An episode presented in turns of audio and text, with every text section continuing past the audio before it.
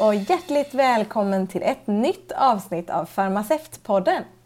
Jag heter Isabella Stenmark, apotekare från Göteborg.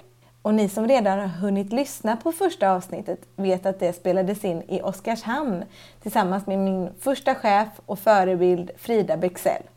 Det var ganska roligt och väldigt nervöst faktiskt. Men det var ju ett vinnande koncept och jag fortsätter faktiskt min Smålandsturné och denna dag via nätet då vi gör ett litet besök i Växjö. Idag kommer ni att få höra min före detta kursare och vän, apotekaren Karin Gustafsson.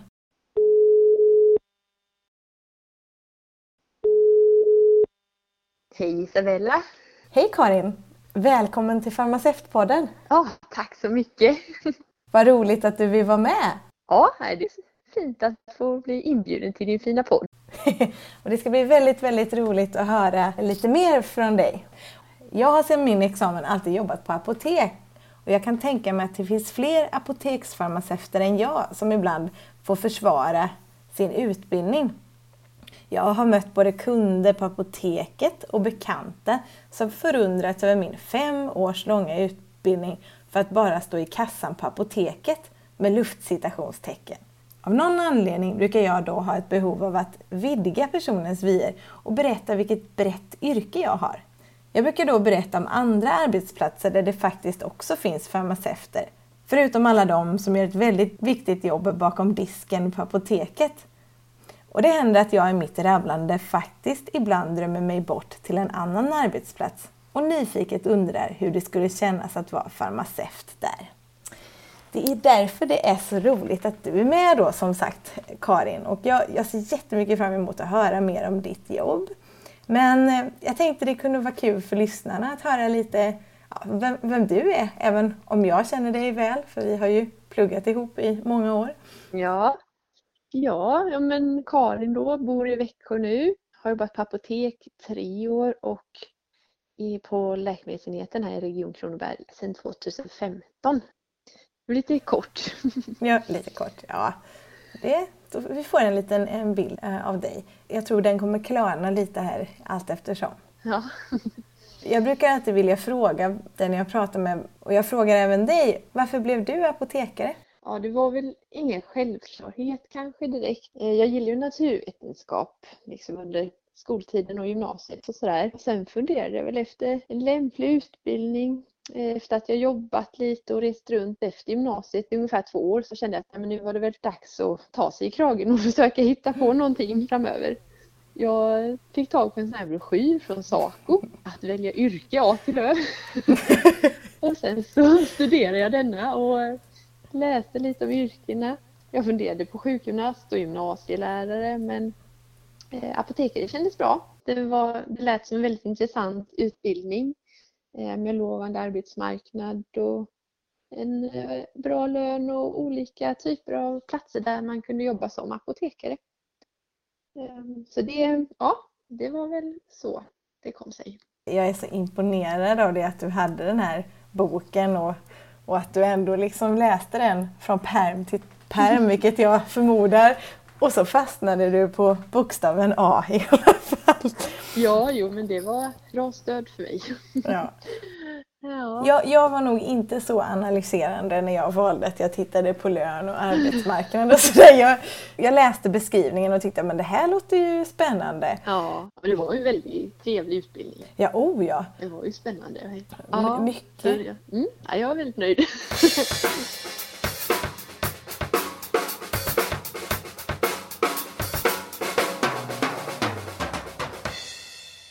Vilken kurs har haft störst betydelse för dig?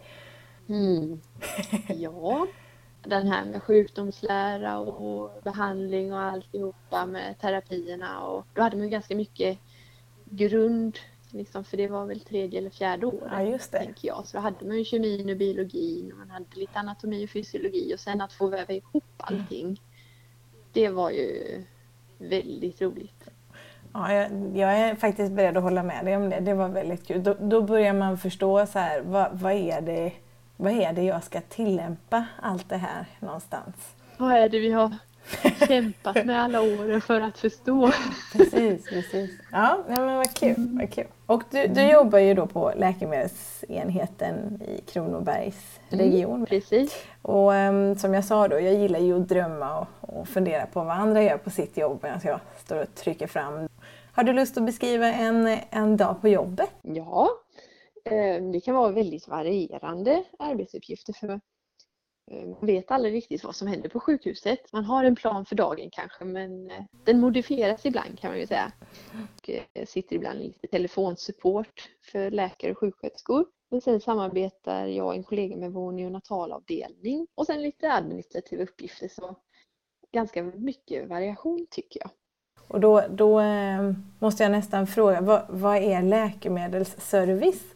Ja, alltså läkemedelsservice innebär att vi farmaceuter eh, beställer och packar upp läkemedel till sjukhusets avdelningar. Så vi går till exempel till eh, IVA eh, ena förmiddagen och så ser vi över deras läkemedelsförråd och så beställer vi de läkemedel som vi ser att de behöver. Och sen då så får vi leveransen av dessa läkemedel nästkommande dag och då går man till avdelningen packar upp det på sats och till att det är snyggt i ordning och lättarbetat för sjuksköterskorna. Ja, och att det alltid är välfyllda förråd så att de har medicinen de behöver för att kunna utföra en bra vård. Ja, det är klart. Och sen så gör vi eh, även så här hållbarhetskontroll, se till så att det alltid liksom är färska varor höll jag på att säga. Men eh, att det är okej okay att använda dem och eh, vi gör också inventering så här, för det är viktigt ur ekonomisk eh, aspekt. Då. Så det gör vi en gång per år också, hjälper dem med det. Mm. Och det är de väldigt tacksamma för. Ja, då kan ju de mm. kanske fokusera på lite mer vårdnära eh, uppgifter, tänker jag.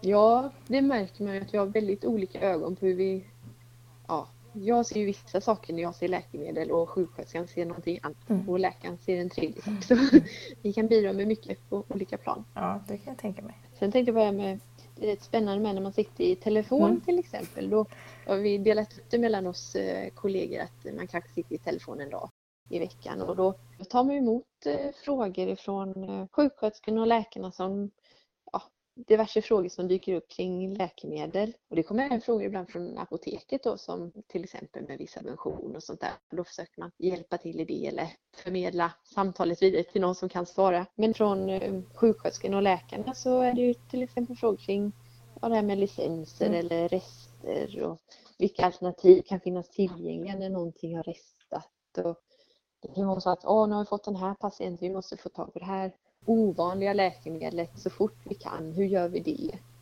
Och sen så kan man få mer frågor kring vårt beställningssystem. Liksom, hur ska jag lägga min beställning? Och, ja, så det, det blir diverse frågor där med. Mm. Ja. Brukar de fråga, kan de här två kombineras?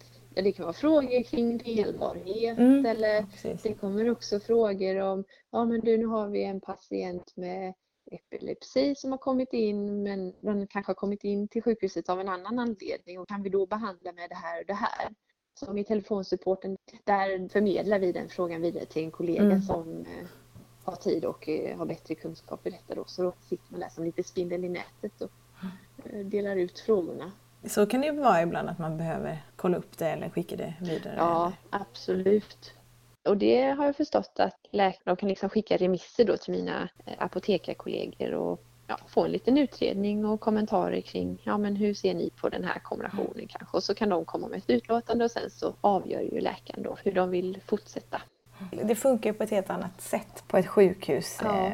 Eh, jag har ju inte jättemycket erfarenhet men den där veckan jag hade när jag var i Uppsala det var ju väldigt eh, givande för att förstå liksom, vem gör vad och hur mm. fungerar det och vad, vad innebär en konsult sa de också du vet, om de skulle fråga ja, vad vet jag, neurologen ja. något särskilt. Då kom ju en neurolog mm. ner på avdelningen och skulle titta på vad det nu kunde vara. Ja, men jag tänkte det är så komplicerat så att det är bra ifall man kan använda den som är bäst mest kunnig på just det området. Absolut. För det, det går ju inte att kunna allt. Nej, nej, nej.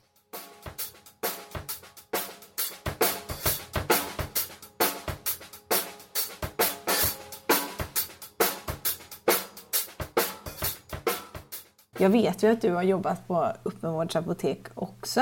Eh, vad tycker du mm. den största skillnaden är mellan att jobba på apotek och jobba på landsting? Ja, men det är väl bredden av frågor som rör sig inom våra väggar, tycker jag. Som läkemedelsenhet då, så sköter vi det här med läkemedelsförsörjning till sjukhus, vårdcentraler och kommunala boenden. Eh, sen har jag kollegor som pysslar med läkemedelsgenomgångar för de äldre patienterna till exempel och kollegor som eh, hanterar frågor kring statistik och läkemedelskostnader. Det tas fram eh, reklistor med vilka läkemedel man rekommenderar vid de olika terapierna och sen har vi kollegor som bereder cytostatika och radiofarmaka. Så det är liksom sån stor bredd. Verkligen. Vad var det som lockade dig att byta från apotek till landsting? Har det liksom uppfyllt dina förväntningar?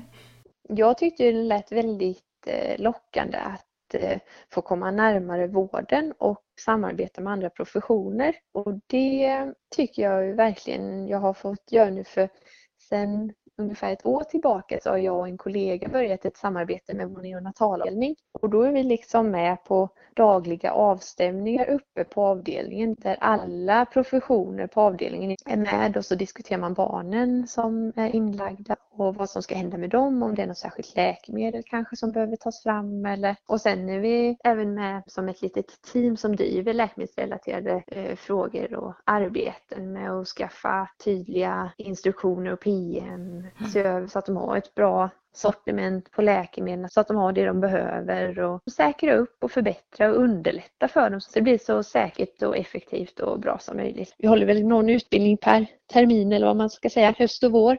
Och det är också spännande då för då får man ju läsa på lite och sen försöka få ihop något bra som man kan förmedla på ett bra sätt. Mm. Det låter ju som det har uppfyllt dina förväntningar i alla fall och kanske därtill. Ja, jo, men det är jättespännande. Och sen det här med barn, det är ju en helt egen liten ett område. Så att det, där, där har jag att lära. Vi var um, på Apotekarsocietetens eh, möte i dagarna här och det handlade just om barn och barnmedicin och EPED. Och jag tyckte det var så himla intressant. Mm. Det är mm, så långt ifrån det vi pysslar med. Så jag tyckte det var så kul att få liksom, träda in i deras värld en liten stund och tänka på hur, hur tänker ni? Och, eller varför gör man så? Och mm. Det var väldigt roligt. Så jag eh, tycker det låter jättekul att ni, ni ska arbeta med neonatalavdelningen. Vad tycker du är din viktigaste lärdom på din nya tjänst? Jag hade det nog lite på känn innan också men just det här med att eh, ju mer man lär sig desto mindre vet jag. Eller ja. det gäller att vara ödmjuk inför frågeställningarna för det, det kan vara lite komplicerat. Jag tycker nästan det är det man kommer fram till varje gång när man börjar lära sig, eller liksom när man lär sig något nytt. Att aha, det här har jag aldrig tänkt ja. på innan. Sen tycker jag det är fascinerande vad mycket olika saker som där läkemedel är involverade och hur många infallsvinklar man kan ha kring området. Verkligen. Det tyckte jag var lite kul på det här mötet. Just att det var en läkare som var så intresserad av läkemedel på det sättet. Alltså, det är inte alla läkare som är intresserade av läkemedel. De har ju en annan eh, infallsvinkel och ser på saker liksom, ur ett annat perspektiv. Men jag upplevde den här föreläsaren då som väldigt intresserad av även läkemedel. Alltså det här med dela tabletter. Nej, man ska inte dela tabletter som inte ska delas.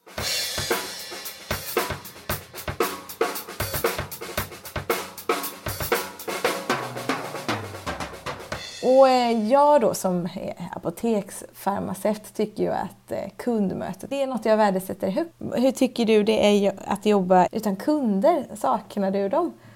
Jag tyckte också det kunde vara kul och givande med kunddialog eller kundmötet och sagt när man liksom lyckats visa kunden eller lära kunden då något som de inte visste eller att de verkligen kände sig trygga när de gick hem från apoteket med den här påsen som jag just expedierat. Men nu har jag ju sjuksköterskor och läkare istället, dialog med dem. Så dialogen och det mötet har jag ju istället. Mm. Det blir lite andra diskussioner än vad jag kanske hade med kunden men eh, de är väldigt eh, givande tycker jag. Jag tror man lär sig mycket av varandra också och det som vi redan har sagt att man har så olika infallsvinklar och så olika perspektiv och att eh, det blir en kompletterande helbild. Ja men precis. Och då, eftersom du tar upp det här att du, du dagligen har kontakt med, med vården, det har ju jag också men kanske inte som kollega utan då ringer ju apoteket för att ifrågasätta eller klargöra eller säkerställa något. Och eh, bemötandet man får varierar ju väldigt mycket. Ibland är, förskrivaren väldigt tacksam, ibland... Eh, ibland tar du bara deras tid. ja, precis. precis. Då ångrar man att man ringde. Men eh, tycker du att du i din roll som farmaceut eller till och med apotekare blir bemött på ett annat sätt av, av förskrivarna än vad du blev på apoteket, tänker jag? Jo, det tycker jag. Och det känns väl lite annorlunda när vi har samma arbetsgivare och, och vi, det är kanske tydligare att man jobbar för samma mål. Eller, jag tycker ofta jag blir väldigt väl bemött och eh, när man säger att man är apotekare så det är inte lika vanligt med att man presenterar sig som apotekare som sjuksköterska. Så det är väl ändå så här, jaha, du är apotekare. Mm. Eller om man liksom hade varit receptarie då. Så bara, ja ah, du är receptarie. Mm. Att vi finns där på mm. sjukhuset också. Mm. Och sen, ja men som du sa på apoteket, då hade man den här kontrollfunktionen kanske lite mer. Och man hör av sig när det, när det är problem. Nu känns det väl mer som att man är med och löser problem så att det inte ska bli några problem. Och vi får ju höra då ofta att ja, vad bra att ni är här eller ja, vad bra att ni fixar detta eller så. Jag tänker på apotek så är det inte alltid man som fick så mycket positiv feedback. Nej. Eh, även om man vände och vred och gjorde allt för att det skulle bli så bra som möjligt. Mm. Ja. Jag undrar om man i framtiden skulle kunna utveckla relationen mellan vården och apoteken. Alltså att det, naturligtvis ska vi ha en kontrollfunktion för att det är det vi ska göra men också att man eh, ska underlätta på ett annat sätt, bidra med sina egna kunskaper på ett annat sätt. För jag menar, många saker kan vi ju hjälpa till med. Ja, självklart. Jag vet att det, i somras så var det ett eh, extempore läkemedel som eh, restade. Det skulle inte komma tillbaka på väldigt länge, eller det var liksom väldigt tydligt så. Mm. Innan jag ringde ens så funderade jag på om detta kanske fanns som licens. Så när jag ringde så hade jag redan liksom strategin färdig för vad vi kunde göra istället. Alltså inte att jag sa nu gör vi så här utan jag föreslog det.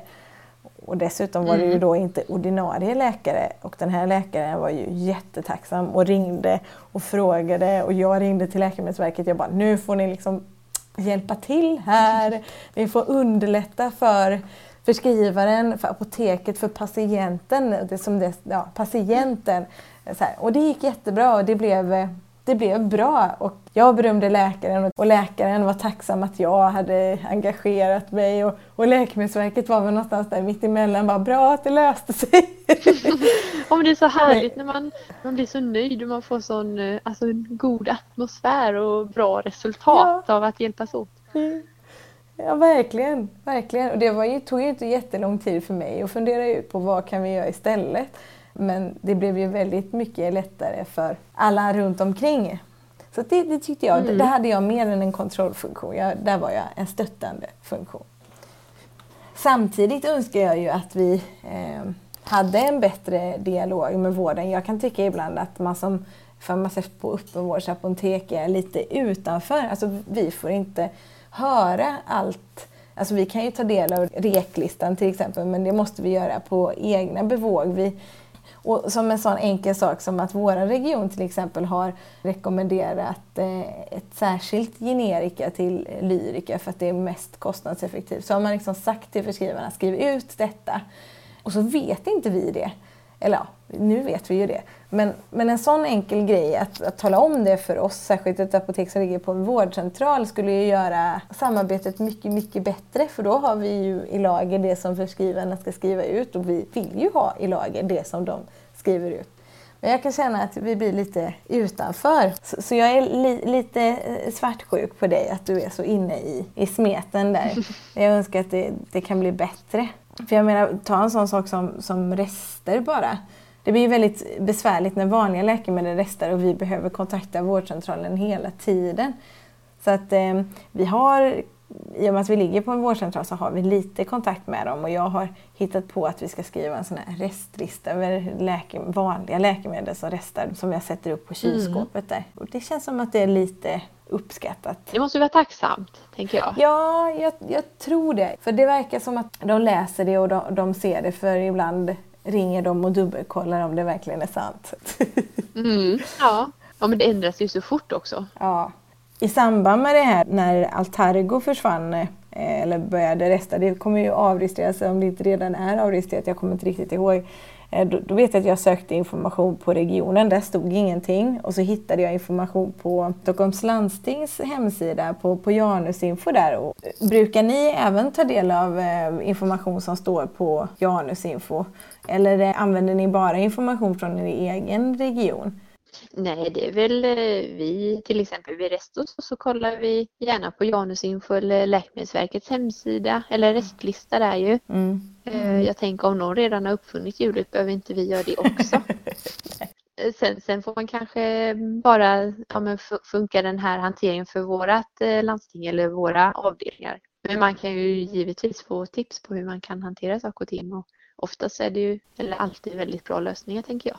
Ja visst är det det. Jag, och de är snabba också. Som till exempel när det var rest på Fysitalmik, då hade de alternativa behandlingar och dosering och liksom så här. Och med en sån grej, om apoteket är pålästa på sådana där grejer, det är då jag menar, då kan ju vi vara en stöttande funktion, inte bara en kontrollerande, utan då har vi redan om förskrivarna ringer och frågar eller om man som jag nu skriver på de här restlistorna då kan man ju informera om det här. Till exempel på Janusinfo står det så här och så här och så här.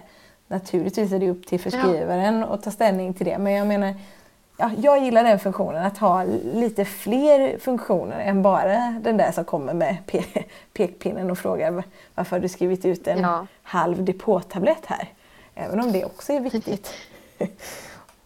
Jag tror de flesta är väl nöjda när man får en presenterad lösning på ett eh, problem som man inte ens har insett än. ja, nej, precis. Nej, så är det ju. Hur, hur brukar ni göra en läkemedelresta? Jag tänker att det måste ju drabba sjukhusen också när typ Betapred restar. Ja, självklart. Ja, nej men när vi får, det här med rester alltså. Men eh, när vi får information om rester så Eh, Eh, då funderar vi på vilka avdelningar som använder läkemedlet, hur mycket det används och hur pass kritiskt eh, det är. För det är liksom hur snabbt behöver vi agera? Vi försöker ta reda på hur länge kommer resten att pågå? Kommer sjukhusets förråd att räcka eller tar det slut? Ska vi omfördela det vi har till någon annan avdelning? Vilka alternativ finns? Behöver vi söka licens för något? Mm. Så att det är ju ganska många frågor som väcks vid en rest. Och då mm, är det bra med lite tips från till exempel Läkemedelsverkets restlista eller Janusinfo. Sen får man ju ibland då stämma av med de som är medicinskt ansvariga på avdelningen. Läkare och sjuksköterskor. Vill de att vi ska ta hem ett alternativ? Vad innebär det för dem? Behöver de arbeta på något annat vis då? Någon annan spädning eller ser flaskorna annorlunda ut så att de inte kan koppla på sina aggregat med slangar och sånt? Det kan föra med sig väldigt mycket arbete och sen så kan det ju vara väldigt potenta läkemedel, då måste ju sköterskan vara säker på att jo men denna flaska som jag har i handen nu det motsvarar ju den som vi brukar ha men som inte finns nu. Där stöttar vi avdelningarna och hjälper dem så att de får hem något alternativ. Men det har varit lite kritiskt till exempel med Piptas här nu som äntligen har kommit tillbaka men som har varit borta länge. Ja just det. Mm.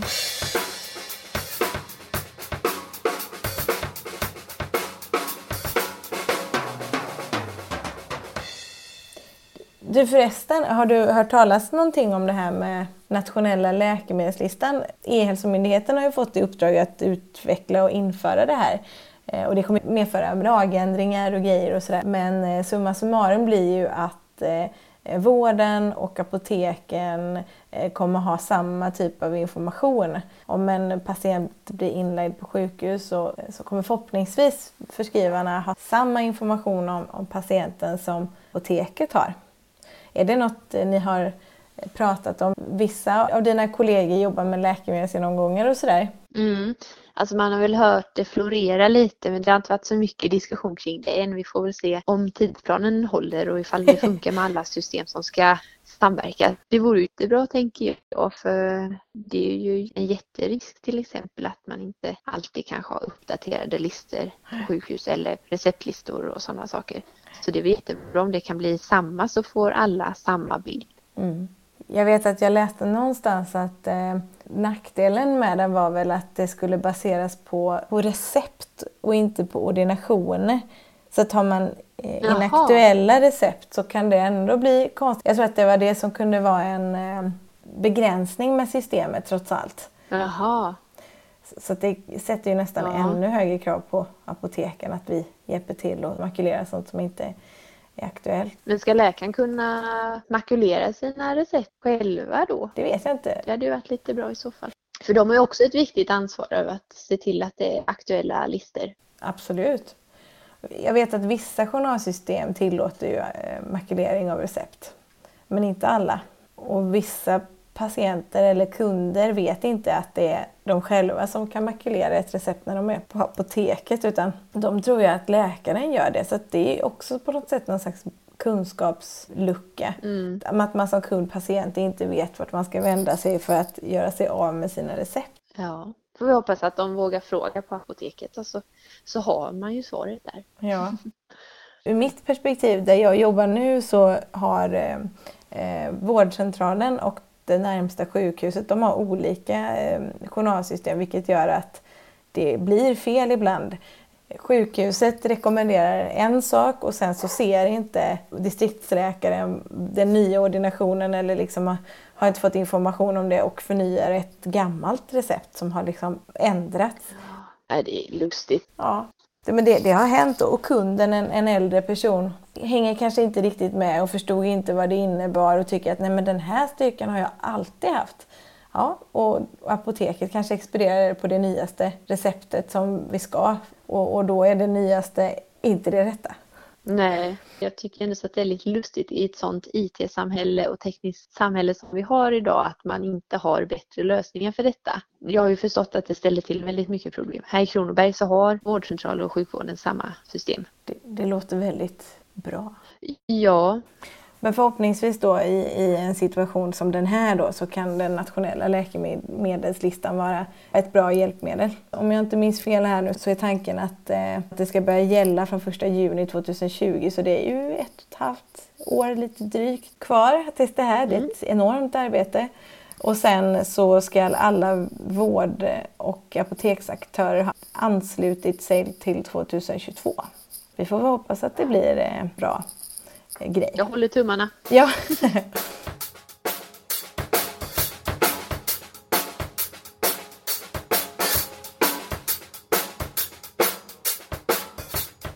Hur tänker du på din eh, framtid, Karin? Har du karriärsplaner?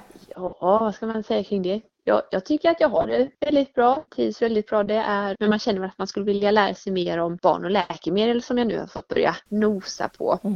Eh, För jag märker ju det att det som man kanske har lärt sig i grundutbildning och de första åren där på apotek eller när man, man kollar i fast och sådana här saker att så här ska du använda läkemedlet så kommer man till barn och framförallt till mig och så märker man att ja men då kan du använda det på lite andra sätt Mm. också.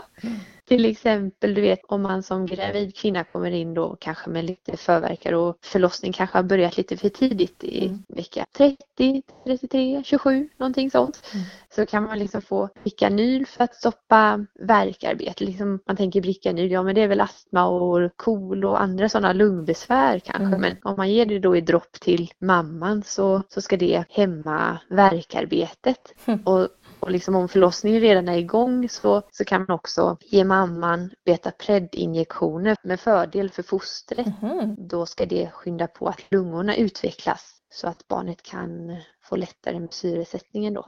Det är fascinerande. Verkligen. Inte heller vad jag tänker på i första hand när jag hör varken Bricanyl eller eh, eh, Betapred. Nej, nej. Då måste jag ju igen här nu återkoppla till den här barnföreläsningen. Där pratade de om koffeincitrat. Eh, att man också gav det till små, ja, små, små eh, bebisar för att det skulle vara Ja. stimulerande på något sätt. Precis, det stimulerar väl organen och liksom funktionerna i kroppen att vara alert. För det är sån stor omställning för barnet då att komma ut från magen och de är ju inte färdigutvecklade då. Så kan de behöva lite extra hjälp för att hålla sig vakna och hålla igång alla funktioner och organ i kroppen. Så då ger man lite koffein och så. Så att Coolt. de är lite mer, orkar lite mer. Och kom ihåg att andas. Kom Ja. ihåg att pumpa liksom. Ja, nej, det är häftigt tycker jag. Det är Mm. ver- verkligen intressant.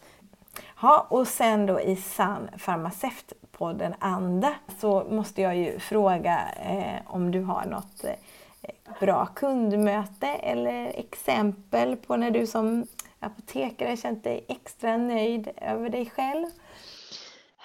Ja, BB skickade ner en tårta till oss för oh. vi hade ja, sett till att vi fick fram lite Alvedon 1 grams eller något sånt där. Oh. De var så nöjda för att de fick fram denna tablett underlättade för dem. Så fick vi tårta sen veckan därpå till eh, enheten. Det var ju trevligt. Verkligen. sen just nu så har vi ju en patient som har haft en specialistbehandling i eh, Göteborg och som nu har kommit hem till hemsjukhuset här i Växjö och har ganska gedigen läkemedelslista. Och där blev vi uppringda av eh, apotekaren på avdelningen i Göteborg som sa att nu kommer den här patienten flyttas till Växjö så det är bra om ni ser till att det här finns hemma. Och sen så hörde även avdelningen hos oss eh, då och sa att nu kommer den här patienten, vi behöver ta hem de här läkemedlen. Och sen så har vi gjort det och eftersom att det är lite udda läkemedel, väldigt många läkemedel och en behandling där det kan justeras lite utifrån provresultat och så där så kan mängderna variera. Man kanske sätter ut något och sätter in något annat beroende på hur man svarar och så på behandlingen. Mm. Så har vi bestämt, jag och läkaren, att vi har veckovisa avstämningar för att liksom se till att vi har koll på läget och se till att vi får hem det de behöver för att ha så bra behandling som möjligt. Eh, så där har vi ett väldigt nära samarbete och hittills har det funkat väldigt bra. Vilket arbete! Alltså tänk vad många enheter eller individer som engageras kring en eh, patient. Och den patienten kanske inte ens är medveten om, eh, om det.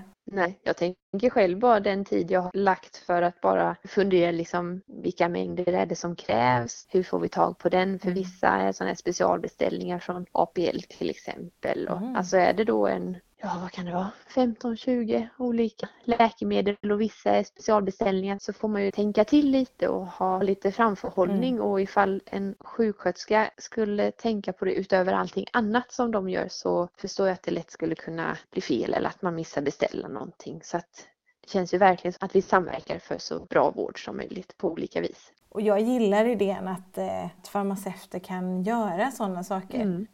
Eh, jag blev ju väldigt imponerad av den där tårtan ni fick.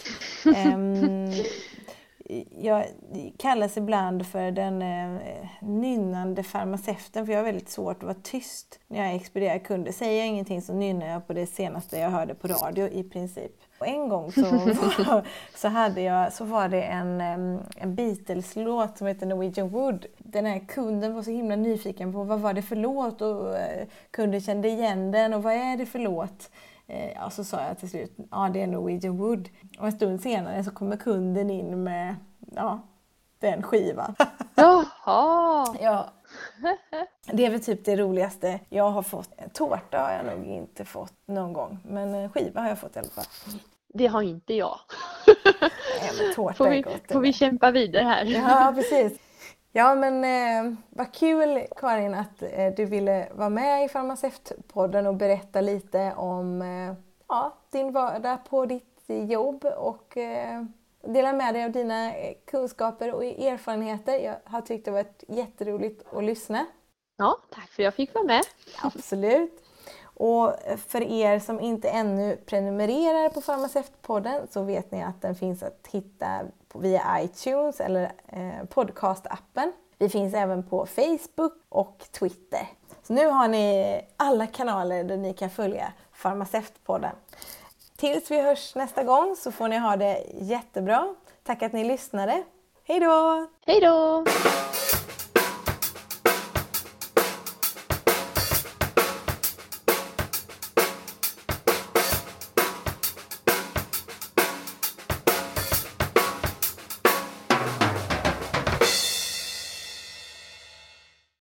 Producerat av Isabella Stenmark för Farmaceutpodden.